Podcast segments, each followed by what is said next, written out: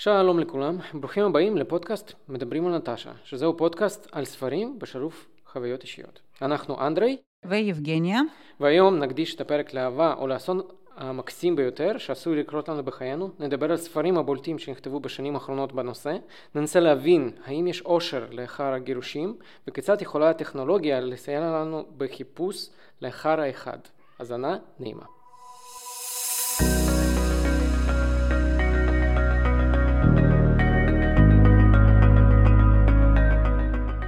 אז אה, כמו שהבנתם, הנושא של היום הוא רומנטיקה בספרים, וכרגיל אנחנו נתחיל באיזשהו מבוא קצר אה, בנוגע לנושא הזה, אה, נדבר קצת על איך זה התחיל ולמה זה התפתח היום, וכמובן נספר על הספרים שקראנו לקראת הסוף. אז בואו נדבר איך הכל התחיל, כן? זה דווקא סיפור מעניין. הכל מתחיל פחות או יותר בערך במאה ה-19. אז קודם כל גם צריך אולי להגיד שכשאנחנו חושבים על אה, ספרי אהבה או ספרים רומנטיים, אז הדבר הראשון שעולה לנו לראש זה רומנים נשים שנכתבו על ידי נשים ובשביל נשים, שזה מין ז'אנר כזה שהוא לא נחשב בדרך כלל לאיזשהו ז'אנר אה, משמעותי בספרות, אלא יותר לספרים שקוראים בשביל ההנאה. אז אה, אכן אפשר להגיד שזה באמת מתחיל ככה. אז כמו שאמרתי, במאה ה-19 אה, קורות במקביל כמה תופעות. התופעה הראשונה שהרבה יותר אנשים מתחילים להיות משכילים. אנחנו מדברים על אירופה ועל ארצות הברית, כן? כלומר באיזושהי השכלה בסיסית. הרבה יותר אנשים יודעים לקרוא ולכתוב. וגם נשים מקבלות יותר, אה, יותר ויותר נשים מקבלות השכלה. עכשיו, אם אנחנו מדברים ספציפית על אה, בריטניה למשל, אז בריטניה במאה ה-19 יש גם אה, תופעה נוספת, שזאת איזושהי בעיה דמוגרפית. כלומר, יש הרבה יותר נשים והרבה פחות גברים באופן משמעותי. ונשים מחפשות אה, מקורות פרנסה, כי כידוע פעם נשים הרבה יותר הסתמכו על הפרנסה שמגיעה מגבר, ופתאום בגלל מחסור בגברים, אז כמובן נשים גם צריכות לחפש פרנסה, ודווקא אחד המקורות המעניינים, שלדעתי זה באמת מעניין, נשים מתחילות לפנות לכתיבת ספרים, וספציפית לכתיבת רומנים. רומנים נשים בשביל אה, נשים אחרות, בשביל שכנראה אחרי יום עבודה קשה, את יכולה לחזור הביתה, לפתוח איזשהו רומן וקצת לברוח מהמציאות הקשה. או גם לקבל איזושהי מנת רומנטיקה, בטח אה, כאשר יש באמת אה, הרבה פחות גברים, וכנראה שגם יש הרבה פחות רומנטיקה בחיים כפועל יוצא מכך, כי פשוט אין זוגיות.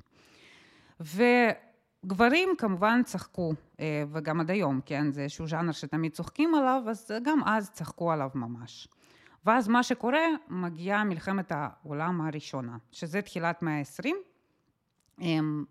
אנחנו פה בישראל פחות מדברים על המלחמה הזאת, אבל אה, באירופה, לצורך העניין, זאת נחשבת לאחת המלחמות הכי גדולות והכי נוראיות שהיו. אנחנו כאן יותר מדברים תמיד על מלחמת העולם השנייה, אבל באירופה מלחמ, למלחמת העולם הראשונה יש לא פחות משקל, ומייחסים לה לא פחות משקל. ואז מה שקורה, גברים כמובן יוצאים לשדה הקרב, נשים נשארות בבית, ונשים מתחילות לצאת לעבודה וממש להחליף גברים בעבודה שלהם, במפעלים, בשדה, גם בעבודות קשות וגם בעבודות משרדיות, בכל סוג עבודה בעצם. אחרי המלחמה הרבה מאוד גברים נהרגו. והסטטיסטיקה שלפחות אני שמעתי עליה, ופה אני לא בטוחה שזאת הסטטיסטיקה הנכונה, אבל מה ששמעתי שאחרי מלחמת העולם הראשונה, לפחות בבריטניה, היחס בין גברים לנשים היה פחות או יותר גבר אחד שהוא בריא ושלם חזר מהמלחמה, לשש עד שמונה נשים. כלומר... הגיוני. נכון. כי גם גברים שחזרו, חלקם משמעותי, הם כמובן אה, חזרו בתור נכים, וזה הכל היה הרבה יותר מורכב. ואז מה שקורה, שנשים שהתחילו לעבוד בזמן שהגברים יצאו לקרב, ממשיכות פשוט בעבודה, כי אין כל כך ברירה אחרת. ואחרי מלחמת העולם הראשונה, יש אה, ממש עלייה מבחינת כתיבת אה, ספרי אהבה ורומנים נשיים. כי שוב, כמו שאמרתי, אני מניחה שזה בא מזה ש... פשוט היה חסר לאנשים אהבה, בטח גם זה משהו שנורא רצו אחרי המלחמה, כולם, גם גברים גם נשים, אבל נשים גם שוב עובדות וממשיכות לעבוד מאוד קשה ובמקרים רבים מפרנסות את המשפחה כי הילדים בכל מקרה נשארו ואז באמת אישה עייפה חוזרת אחרי העבודה, והיא רוצה קצת לנוח עם הספר. דוגמה מעניינת לסופרת בז'אנר הזה, זו ברברה קארטלנד, היא נולדה בבריטניה בתחילת מאה ה-20, והרומן הנשי הראשון שלה יצא פחות או יותר בדיוק אחרי המלחמה, ב-1923. מה מעניין לגביה? שהיא כתבה פחות או יותר 600 ספרים, כן, לא פחות ולא יותר, בערך 600 ספרים שהיא כתבה והם התפרסמו, ובאמת התפרסמו בכל השפות, ועד היום מסתבר שקוראים את הספרים שלה, אבל כשעוברים על כל הספרים שלה אפשר להבין גם מהם חוקי הז'אנר. אז חוקי הז'אנר של רומן נשי זה הולך בערך ככה, יש גיבורה וגיבור, שיש ביניהם איזשהו קשר, הם אה, מפתחים רגשות אחד כלפי השני. אה, דבר שני, שיש איזשהו קונפליקט שמונע מהם להיות ביחד. ובדרך כלל בסוף, לפחות אצל ברברה קארטלנד, הסוף תמיד היה טוב. כלומר, אחרי הקונפליקט והדרמה, עדיין הגיבורים מצאו את דרכם איך להיות ביחד, ואיך אה, לנצח את כולם ולבנות חיי אושר. אז אה, זה קודם כל על רומן נשי, אבל כמו שאנחנו יודעים, אהבה מופיעה כמעט בכל ז'אנר, ואני חושבת שקשה לחשוב על ספר בכל נושא שאין בו שום סיפור אהבה מעניין. רציתי להוסיף רק שלדעתי, אה, קודם כל אמרת אה, שבספרים, אחד החוקים זה שבספרים היה סוף טוב, אז אני חושב שבספרים מודרניים על אהבה יש גם תופעה שיש שם סוף לא טוב, זאת אומרת שאו שמישהו חולה, או שמישהו מת, או שהם ביחד ואחרי זה מישהו מת, אחד מבני הזוג, כן?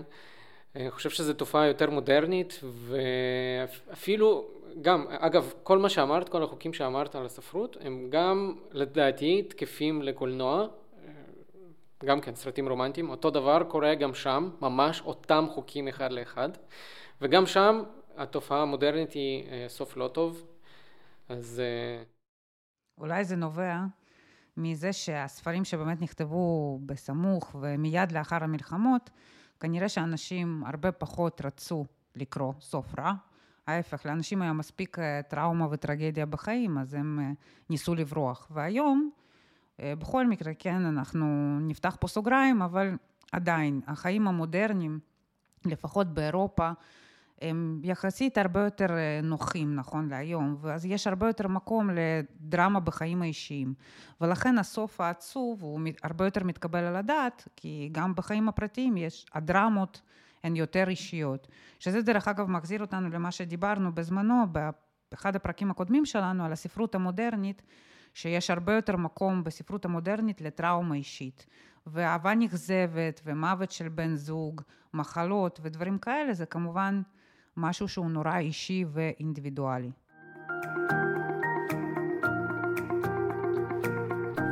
אנחנו מגיעים לספר הראשון שאנחנו רוצים לדבר עליו, אז קודם כל, השם אה, של הספר זה יום אחד, ומי ששם לב זה גם בעצם סדרה שיצאה עכשיו בנטפליקס לאחרונה, שנמצאת עכשיו בטופ 10, אם אני לא טועה, של הכי נצפות בארץ לפחות.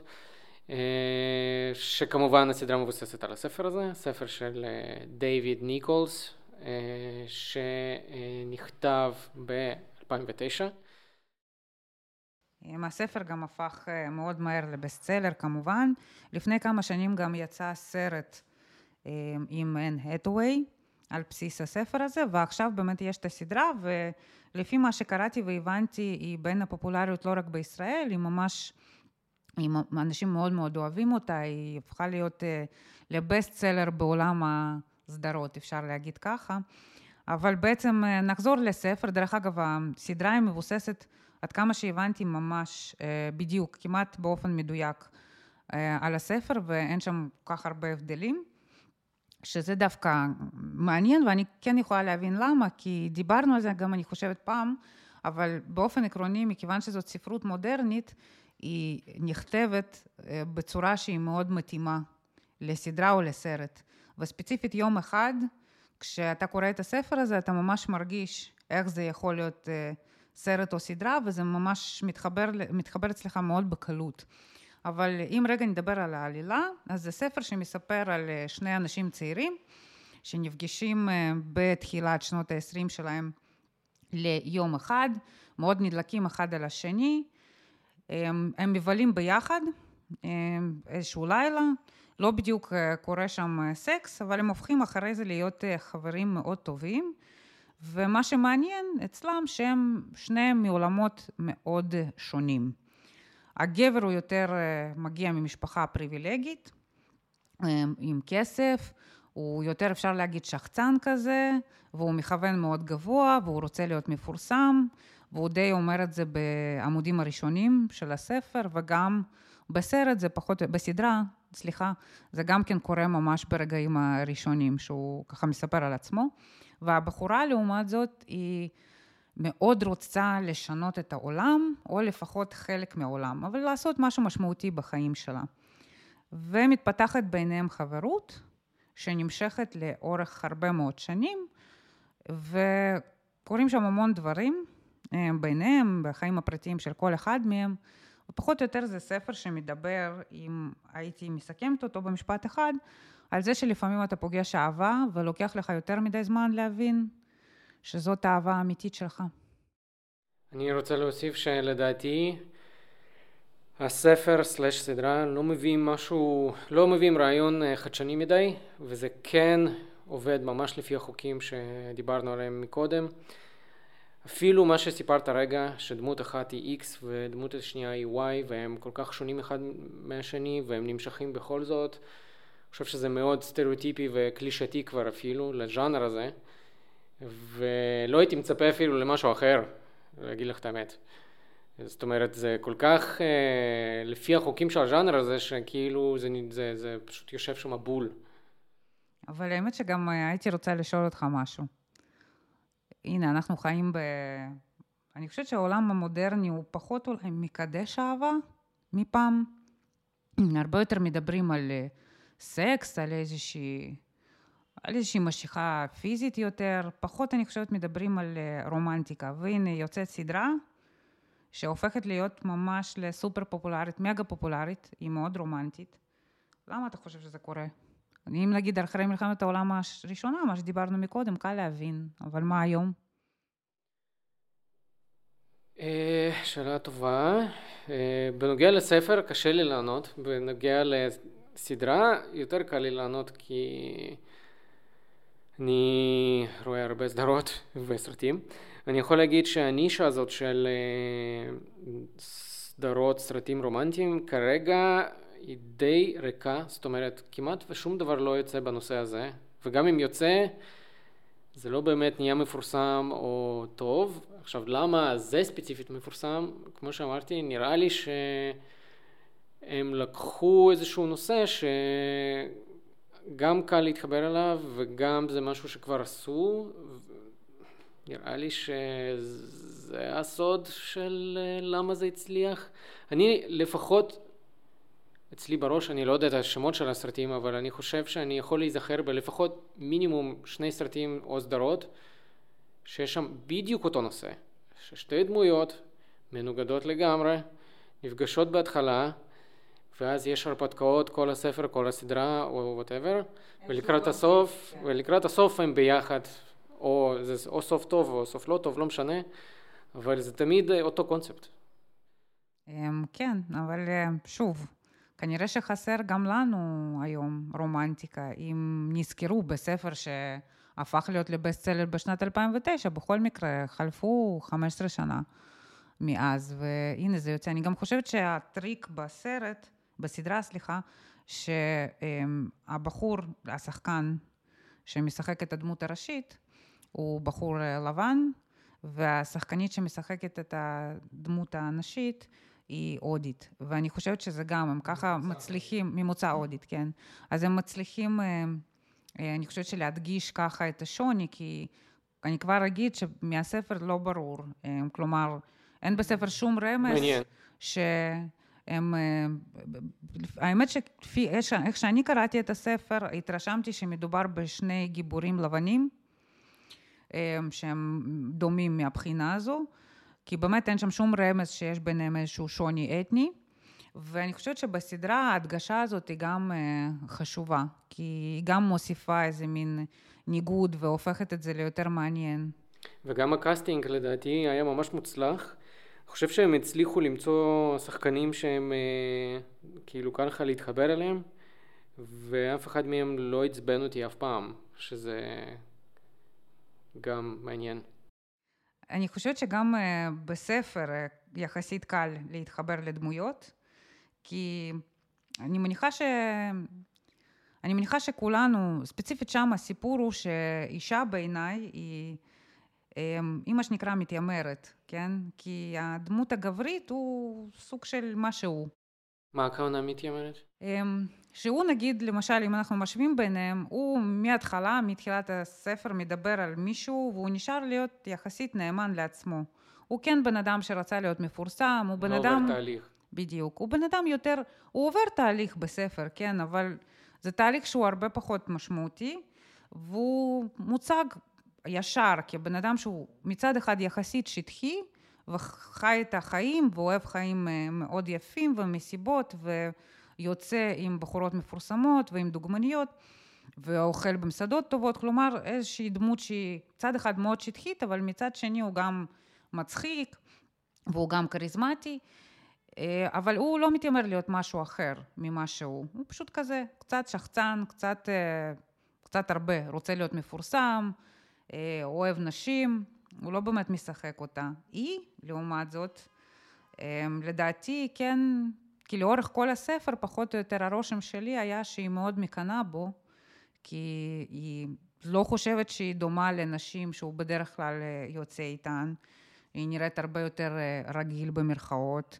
היא חושבת שהיא מין עכבר אפור כזה, היא חושבת שהיא לא מצליחה הרבה בחיים, ושהיא תמיד פחות לעומתו, וכשהם יוצאים ביחד, הם יוצאים למקומות שהוא מעדיף, וזה מקומות שהם יותר פנסיים, והיא בחיים לא תלך למקומות כאלה.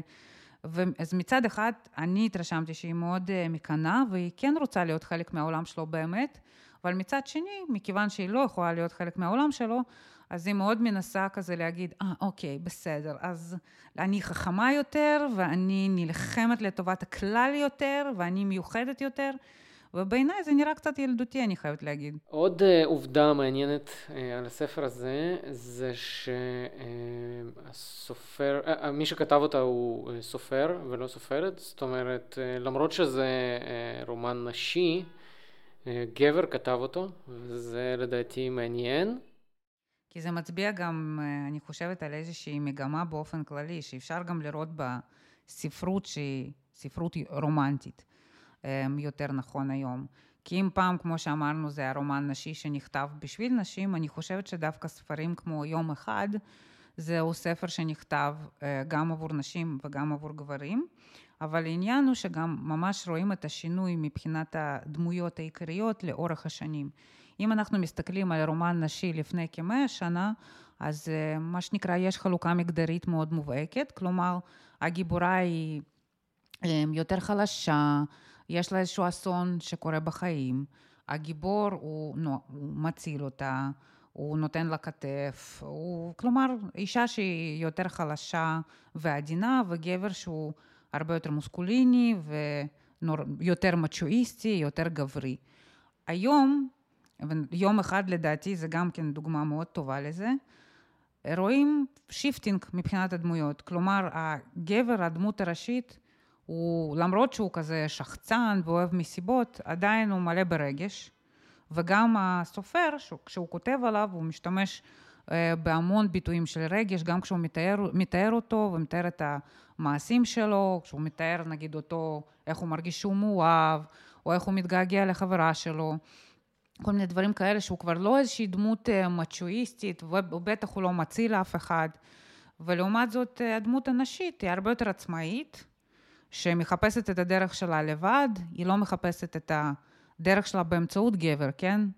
היא מתפתחת ויש לידה מישהו, זה יותר כאילו לחפש פרטנר מאשר לחפש אה, איזשהו מישהו שמציל אותך. ואני חושבת שזה, זה שיש יותר ויותר רומנים שאנחנו גם תכף אה, נדבר על עוד ספר שהוא גם נכתב על ידי גבר, שהם רומנים שהם כן בנויים יחסית בז'אנר של רומן נשי, אבל הם כן נכתבים על ידי גברים, ולדעתי זה, זה מאוד מעניין, כי זה פשוט מצביע לנו על השינויים החברתיים שכולנו עוברים.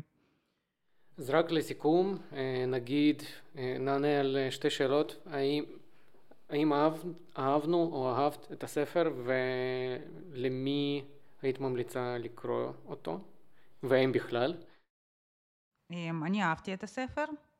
עכשיו, שוב, זה לא, זה, זה לא ספר, כמו שאמרת, אין בו שום דבר חדש, הסיפור הוא די קלישאתי, הדמויות הן גם יחסית הן לא מורכבות מדי, אין שם משהו חדש, כמובן זה לא איזשהו ספר פילוסופי שאפשר להתדיין עליו יותר מדי, אבל זה ספר באמת לבילוי. כשאתה חוזר אחרי העבודה ואתה רוצה לקרוא משהו שהוא מצד אחד כן יהיה מעניין ודינמי, מצד שני גם רומנטי, ומצד שלישי לא אה, מטומטם ושטחי מדי, אז אני חושבת שזה בדיוק זה, זה ספר בשביל לבלות. וכן, הייתי ממליצה, כי אה, שוב, אני חושבת שזה מאוד נחמד לפעמים ככה להשתחרר בערב כשלא בא לך לחשוב על איזשהו אה, בעיות פילוסופיות מורכבות מדי. ומה איתך? אני ראיתי את הסדרה, אז אה, אני דווקא כן אהבתי אותה, ואני יכול להמליץ. אוקיי, okay, אז uh, נדבר על הספר שאני קראתי. Uh, ספר נקרא uh, The One. Uh, התאמה מושלמת בעברית, נכון? בדיוק, תודה רבה.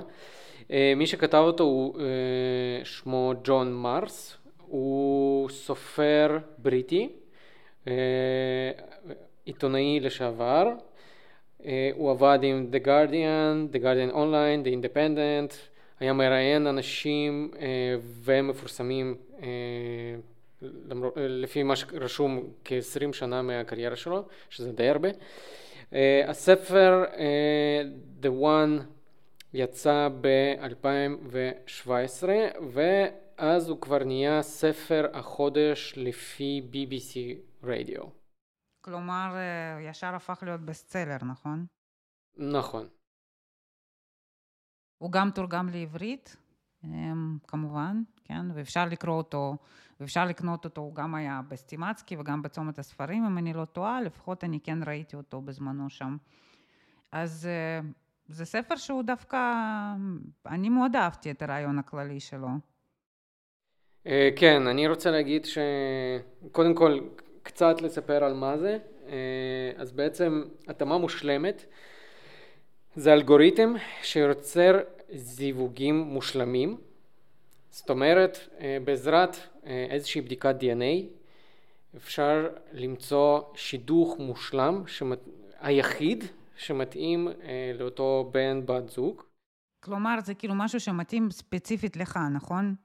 אתה כאילו בודק את ה-DNA שלך ואתה יכול לגלות מי הוא אותו הבן אדם המושלם והאגדי ש-soulmate בעצם.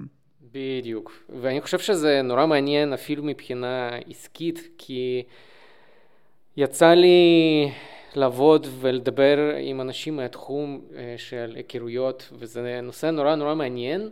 בעצם יש את הנושא של הבדידות, ובדידות זאת בעיה שהיא בעיה גם נפשית וגם אה, מודרנית, אה, ואתרי היכרויות או אפליקציות להיכרויות מנסות לפתור אותה.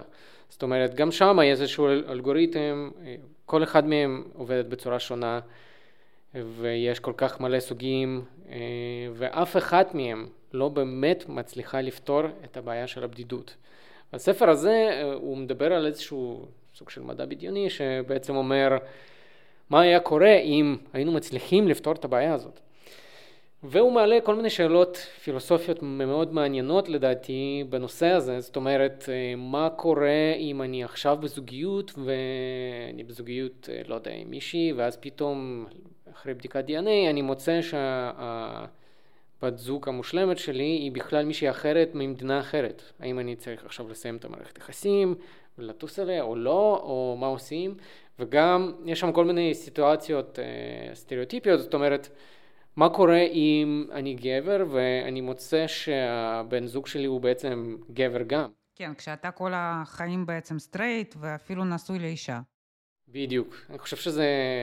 הוא, הוא מעלה שם שאלות מאוד מעניינות בנושא הזה ספציפית. אני אהבתי, מה זה אהבתי, אבל דיברנו על זה כשהתכוננו לפודקאסט, שיש שם איזה מישהו שהוא רוצח סדרתי, והוא גם סוציופט, ואין לו בעצם אה, שום רגשות, הוא לא יודע להרגיש, לפחות ככה הוא תופס את עצמו, והוא גם עושה את הבדיקה הזאת, כאילו סתם, אפשר להגיד בשביל הקטע, כי הוא לא באמת מאמין בשום דבר, והוא מוצא מישהי, שהיא הזיווג המושלם שלו, שהיא שוטרת. אז זה קצת קלישאתי, אבל אה, זה גם כן מעניין, כאילו יש לו איזה מין שאלה כזאת, של האם בתור בן אדם סוציופט עדיין אתה יכול לפגוש את האחד שלך, ומה זה יכול לעשות? האם זה יכול לגרום לך להרגיש, כן או לא? אה, עוד נושא מעניין אה, שלדעתי הספר הזה לפחות מנסה להיות דומה לו, זה שבעצם הוא מנסה לגרום להרגיש לך כאילו זה פרק ממראה שחורה, זאת אומרת, אה, מי שלא מכיר, מראה שחורה זה סדרה שבה בעצם מדברים על איך טכנולוגיות יכולות להשפיע עלינו לרעה, אפילו דברים הכי טובים שיש לנו, לא יודע, סמארטפונים או לא, לא משנה מה.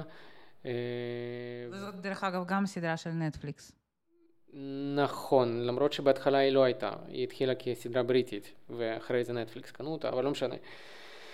אה, וגם פה אה, הוא סוג של מנסה לגרום לנו להרגיש את אותו דבר, זאת אומרת, יש לנו טכנולוגיה שבאה להציל אותנו מבדידות, אבל בעצם היא גורמת להמון המון בעיות, זאת אומרת גירושים ואנשים בוגדים אחד לשני וזה שובר זוגיות לכאלה שכבר היו בזוגיות ויש שם כל מיני אה, מקרים מעניינים שהוא מתאר ושוב אה, לדעתי הוא בכוונה בחר בזוגות או מקרים שהם יחסית סטריאוטיפים כאלה כדי אה, לפגוע אולי, לעניין יותר ויותר אנשים, זאת אומרת זוג אחד כמו שאמרנו שמסתבר שגבר סטרייט ויש לו, אה, התאמה המושלמת שלו זה בכלל גם גבר, שגם הגבר, התאמה המושלמת שלו הוא גם גבר סטרייט ואז כאילו איך מגשרים את הבעיה הזאת. אה, גם כן אה, זוג שבזוגיות מגלים שהם לא הזוג המושלם, כאלה שהם משקרים, שעשו את הבחינה הזאת שעשו את הבדיקת דנ"א הזאת רק כדי שאנשים לא יחשבו שהם לא הזוג המושלם. וואי, זה דווקא משהו שהוא ממש מעניין, כן? כי כאילו פתאום ברגע שזה הופך להיות לתופעה חברתית, אז עכשיו כולם חייבים להשתמש בזה, ואם אתה לא משתמש בזה אתה יוצא משהו לא בסדר איתך, ואתה חייב להתאים את עצמך לכלל. אני חושב, בדיוק, זו שאלה מאוד מעניינת ואפילו פילוסופית, זאת אומרת, אמ, האם אתה באמת חייב לעשות את הבדיקה הזאת כדי להבין שיש לך או אין לך התאמה מושלמת, או שאתה יכול פשוט לחיות ולפגוש מישהי ולהתאהב בה, ובכלל אה, לא אכפת לך מזה. שאלה... אני חושבת שזה זה נראה לי ספר שהוא כל כך מתאים לימינו, כי זה גם, כמו שאמרת, גם בדידות, גם אתרי היכרויות. וממש פתרון לבעיה שהיום כולם מדברים עליה, שאתרי היכרויות הם הרבה פעמים דווקא פוגעים באנשים, והם באמת לא מאפשרים לך גם להתמסד, כי באיזשהו שלב יש לך כל כך הרבה אופציות, וכל פעם שאתה יוצא לדייט עם בן אדם אחר, אז אתה חושב שבאפליקציה יושבים עוד אלפי אנשים, אז למה בעצם אתה צריך uh, לעצור על מישהו אחד, או אם פתאום משהו קטן לא נראה בו, אז אתה ממשיך הלאה, ולא מנסה להילחם, ופה זה כביכול פותר את הבעיה הזאת, כי זאת התאמה מושלמת. אבל מה שגם אני אהבתי בספר, שמצד אחד יש הטבה מושלמת, ומצד שני יש המון שברון לב, כי המון זוגות מתפרקים, והזוגות המתפרקים, הצד שעוזבים אותו, הוא כמובן, אה, כלומר, אחד מוצא את האגדה שלו, והשני יורד ממש ל... לא יודעת, לאיזשהו תהום כזה ונבגד ובודד. שזה כנראה אומר שאי אפשר ששניהם יהיו מאושרים במצב כזה, נכון? מישהו אחד חייב להיפגע? כן, אבל כאילו, אה, יש שם, הם, הם חוקרים שם את הנושא הזה גם, זאת אומרת, אה, האם הכלי הזה יכול לשמש כנשק, זאת אומרת, לשבור אה, לאנשים את החיים וכו' וכו'. לדעתי, אני די מתחבר למה שאחת הדמויות שם אומרת, שזה זה כמו נשק, זאת אומרת, נכון שנשק הורג, אבל הוא הורג בעזרת בן אדם שמחזיק אותו. הנשק בעצמו לא הורג, הוא לא יורה לבד. אותו דבר עם הטכנולוגיה הזאת. זאת אומרת, אתה כבן אדם מחליט אם אתה רוצה לדעת אם יש לך התאמה מושלמת. אתה לא חייב לעשות את זה, אבל לך, יש לך בחירה חופשית ואתה יכול uh, לעשות את זה. נראה כן, לי כאילו... שיש פה גם עוד איזושהי נקודה. כשיש לך התאמה מושלמת, שאתה יודע שבן אדם מסוים הוא התאמה מושלמת שלך, ואז מתברר שאותו בן אדם הוא בעצם לא כזה בן אדם מושלם בפני עצמו. הוא, הוא עבריין, למשל, או שהוא בן אדם רע, הוא שתיין, הוא נרקומן, כל מיני, גם בספר יש דוגמאות לזה. אבל אתה כל כך מאמין שזאת ההתאמה המושלמת, שאתה פשוט נשאר איתו, כי מבחינתך זהו. אם אתה עכשיו עוזב אותו, או שהוא מת לצורך העניין, אז דינך בדידות אה, לתמיד בעצם. נכון, זה גם מעניין, וגם הם רושמים שם שאלה שהם התאמה, שהם כאילו התאמה מושלמת אחד של השני, אז הם, יש להם הרגשות כל כך חז, כאילו חזקות אה, אחד כלפי השני, שהם כאילו לא יכולים לשלוט בעצמם. גם אם אחד מהם הוא נרקומן והשני לא יודע מה, אם הם התאמה מושלמת, הם יאהבו אחד את השני, לא משנה מה. והרעיון הוא שגם כשאתה מוצא התאמה מושלמת, זה לא בהכרח אומר שאתה תהיה מאושר. נכון, וזה עוד פילוסופי, גם פילוסופי וגם מעניין. אמ, גם עוד משהו שכן אהבתי בספר, אמ, בעצם הוא נותן שם, זה מחולק לפרקים, ובכל פרק אה, מסופר כזה על זוג אחר. כלומר, זה לא, זה, זה לא איזשהו סיפור ספציפי של שני אנשים בלבד, יש שם כמה דמויות, כמה דוגמאות לזוגות שמצאו את עצמם, אפשר להגיד, וכל מיני השלכות של הדבר הזה. מה שאהבתי שבעצם, כמו שגם שוב דיברנו, זה מאוד מתאים לסדרה, וזה בעצם יכול לשמש כבסיס לכל תסריט אפשרית. כאילו, אתה יכול לחשוב על אין ספור דוגמאות של מה יכול לקרות במצב כזה. כלומר, לא בדיוק את אותם הסיפורים הספציפיים שיש בספר, אפשר לפתח את זה למיליון כיוונים אחרים. ודרך אגב, הנטפליקס מככב לנו היום הרבה בפרק, אז בנטפליקס גם כן יצאה סדרה בשנים האחרונות, שהיא מבוססת על הספר הזה, היא מאוד שונה מהספר, ממש, ממש ממש שונה מהספר, כלומר, אני כן חושבת שאפשר לראות בהם שתי יצירות נפרדות מבחינת הסיפורים, וזה בדיוק העניין. הבסיס הוא אותו בסיס, הרעיון כללי הוא אותו רעיון כללי, הסיפורים משתנים. וזה לדעתי מאוד מגניב שאתה בתור סופר חושב על אה, איזשהו רעיון שיכול אחר כך באמת ללכת לכל כיוון אפשרי ולא חייבים להיצמד אליך. אני חושבת שזו הצלחה מאוד יפה מבחינה ספרותית. אה, אוקיי, אז לסיכום, אה, קודם כל אני רוצה להגיד קצת ש... קודם כל אני אהבתי את הספר כמובן. אני רוצה להגיד שהסופר הזה ידוע בזה שהוא עושה אה, לקראת הסוף הרבה נקודות מפנה, זה נקרא? פלוט טוויסט, כן? כן. ואני מרגיש שהוא יכל לעשות פלוט טוויסט הרבה יותר מגניב בספר הזה, למרות שמה שהוא עשה שם הוא גם בסדר, אבל שוב, אני כמישהו שכנראה יותר מדי הייתי מחובר לבלק מירור, אה, מראה שחורה, אז אה, אני כבר רגיל לדברים הרבה יותר קשוחים. אבל אני כן יכול להמליץ את הספר הזה גם לאנשים שאוהבים מדע בדיוני וגם לאנשים שאוהבים אה, ספרי, אה, ספרים אה, רומנטיים, כן? נכון שאולי זה יותר ספר מדע בדיוני עם אלמנטים של ספר רומנטי, אבל עדיין יש שם, כמו שאמרת, חלק מהזוגות, זה, זה מחולק לפי זוגות, ויש חלק מהזוגות שזה, אין שם שום דבר ממדע בדיוני וזה נטו מערכות יחסים. אז uh, זה סוג של נוגע בשתי העולמות האלה. זה מזכיר לי את מה שדיברנו בפרק הקודם, באחד הפרקים הקודמים, על uh, סיפור בלשי, שמה שמאוד מקובל היום בספרות המודרנית זה לשלב בין הז'אנרים. אז זה ממש, כמו שאמרת, דוגמה מאוד טובה לשילוב בין מדע בדיוני לרומן על אהבה, לחלוטין. אז uh, אני מניחה ששנינו ממליצים על הספר הזה. ושנינו אהבנו אותו, ואנחנו נעבור עכשיו לספר נוסף שלנו, שגם על בסיס הספר הזה יצאה הסדרה, יצא לנו פרק היום כזה שהוא משולב. ספרים, ספרים שנכתבו והסדרות שיצאו על בסיסם, וזה ספר שנקרא פליישמן in Trouble.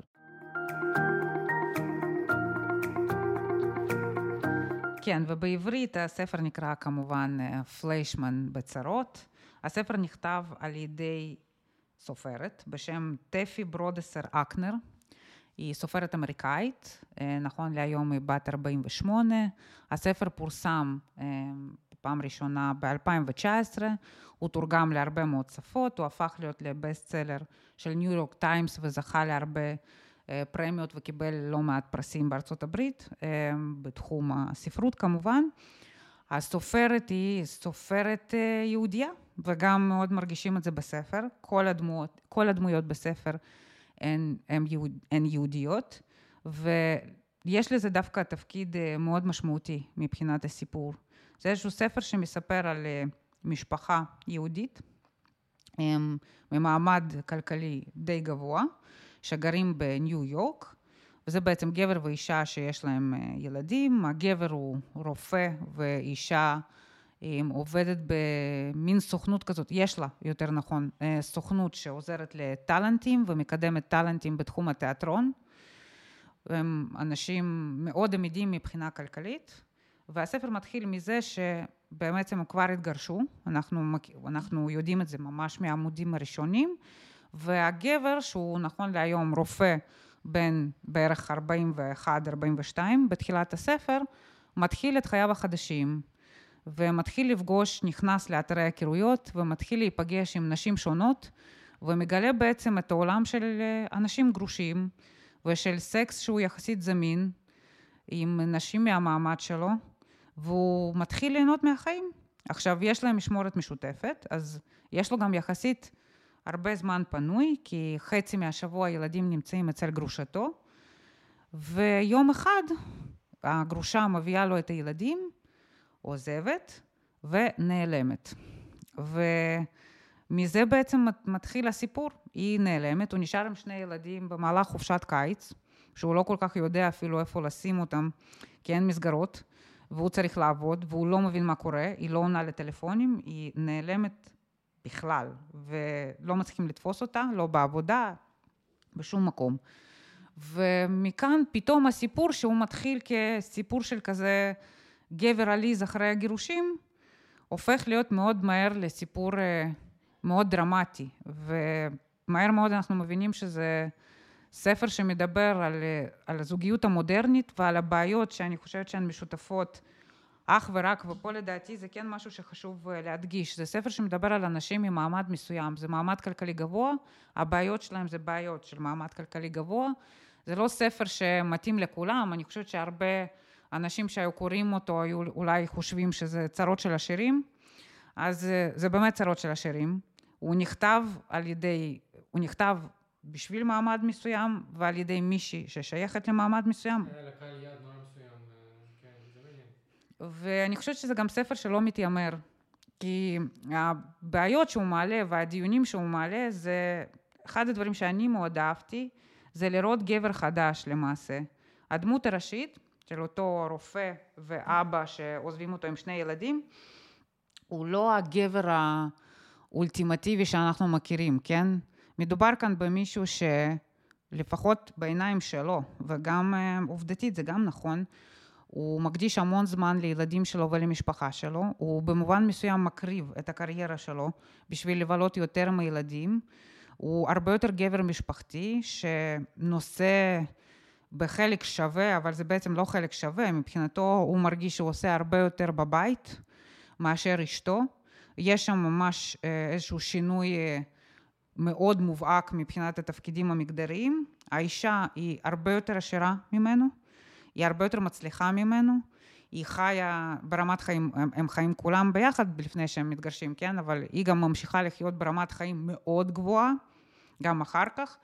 ומראים שאישה שבעצם מצליחה ומתחילה להרוויח המון כסף והופכת להיות uh, המפרנסת העיקרית, אפילו לא המפרנסת, כי גם הוא המפרנס, זה בדיוק העניין, כי זה לא גבר מסכן שהוא עכשיו יושב בבית ואישה עובדת, זה יותר מורכב, כי הוא גם עובד, הוא רופא, הוא מרוויח מאוד יפה, היא פשוט עולה עליו באופן משמעותי, ואיזה בעיות זה יכול לייצר בזוגיות, כשהוא למעשה אף פעם לא ניסה להגיע למקומות האלה. הוא באמת הרבה יותר רואה את עצמו במשפחה, ועדיין הפער הזה שבין אישה כל כך מוצלחת וגבר שהוא גם מצליח, אבל פחות, איזה בעיות זה יכול לייצר ואיזה קשיים זה יכול לייצר בזוגיות. אני חושבת שזה, להראות ככה גבר, ובאמת לדבר על גבר שהוא רגיש ואיש משפחה, זה לא משהו שלפחות אני לא קראתי על זה המון, אבל זה איזושהי תופעה מאוד אה,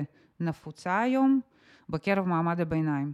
אני חושב שחשוב גם להגיד מה הספר הזה שונה מהספרים הקודמים שדיברנו עליהם היום. וחושב שקודם כל מדובר פה במערכת יחסים, אה, כמו שאמרת, מודרנית, אבל גם יש פה איזשהו, אה, איזושהי הסתכלות על סיטואציה משני הצדדים, שזה גם משהו מאוד מעניין, כאילו מראים לך איך גבר מסתכל על גירושים ואיך האישה מסתכלת על גירושים, ואני חושב שזה מאוד מעניין. זה גם אולי מראה במובן מסוים שלטנגו צריך שניים, ושהם בעצם מספרים כל אחד את אותו סיפור ממש. אבל... זוויות שונות לחלוטין. זוויות שונות לחלוטין, וכשבתור קורא אתה מצליח לדעתי להתחבר לשתי נקודות מבט, למרות שאני כן צריכה להגיד שהרעיון של הסופרת היה בין היתר לספר סיפור נשי באמצעות גבר, שזה גם משהו כזה ש... שהיא אומרת את זה בספר, גם יש עוד אה, דמויות שצריך להתייחס אליהן, דמות אחת שהיא חברה, הם בעצם שניהם חברים של הגבר, אחד, והם שניהם חברים כזה מאוניברסיטה. והחבר שלו, שהוא בחור נוסף בסיפור, הוא רווק, רווק של בגיל 40 פלוס, וזה כן ספר שמדבר גם לא מעט על הצד הזה, איך פתאום אתה רואה את עצמך בתור רווק בגיל כזה, שלא היה נשוי גם אף פעם, שאין לו ילדים, ומה אתה חושב כאילו בעצם, איפה זה מביא אותך בחיים ובאיזה סיטואציה אתה יכול למצוא את עצמך, כי יש שם דיון אה, די מעמיק בנושא הזה, האם זה בסדר ומקובל חברתית להיות רווק בגיל כזה, מה ההשלכות של הדבר הזה מבחינת הטווח הרחוק, איפה אתה יכול למצוא את עצמך בעוד 10-20 שנה, או אם אתה רוצה להיות במקום הזה.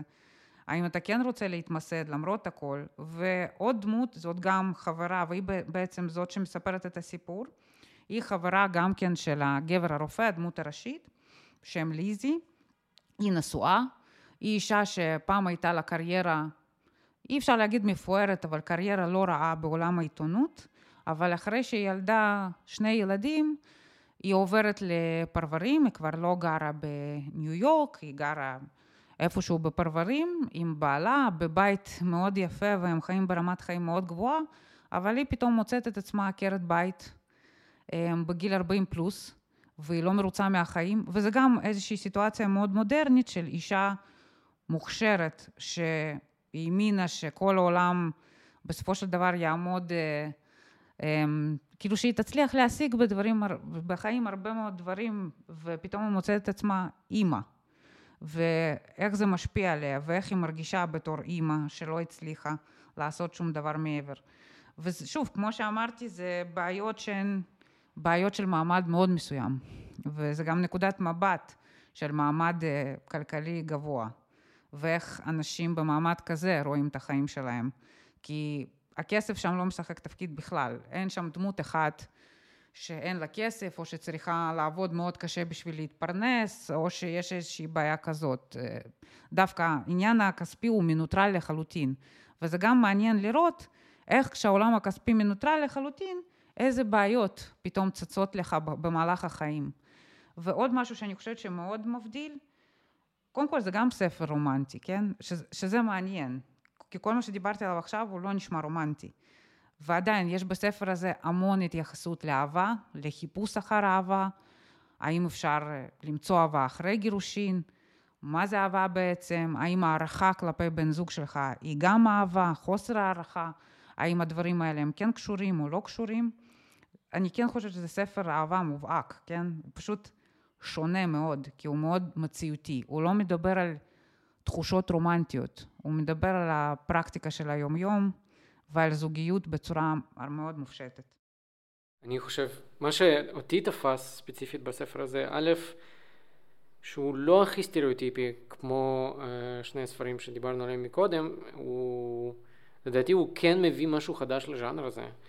ובמיוחד הפלוטוויסט הזה שיש בסוף, שלטעמי לפחות זה היה mind blowing, זאת אומרת כאילו, אני הייתי נורא מופתע ממה שהיה שם, ו... כן, אנחנו לא ניתן ספוילרים, אז באמת תקראו. זה, כן, זה ממש ממש מעניין, ואותי כקורא זה כן אה, תפס את התשומת לב שלי. ודיברנו בהתחלה על חוקי הז'אנר, אז באופן מפתיע גם פה יש את חוקי הז'אנר, כן? יש את שתי הדמויות שהן בסופו של דבר גבר ואישה שאהבו, אפשר להגיד שאוהבים אחד את השני, אבל אהבו אחד את השני פעם מאוד, ויש קונפליקט שלא מאפשר להם להיות ביחד, ויש סוף שהוא יחסית פתוח.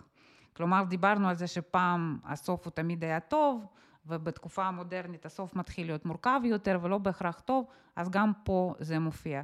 וזה בעצם נורא מעניין לראות איך אנחנו לוקחים ז'אנר וחוקי ז'אנר שהם מאוד פשטניים, מאוד בסיסיים, משהו שתמיד זלזלו בזה, והופכים את זה לחתיכת אירוע ספרותי, כי בעיניי זה בהחלט, הספר הזה הוא אחד הספרים הכי טובים, מעניינים ומעשירים שיצא לי לקרוא בהרבה שנים האחרונות.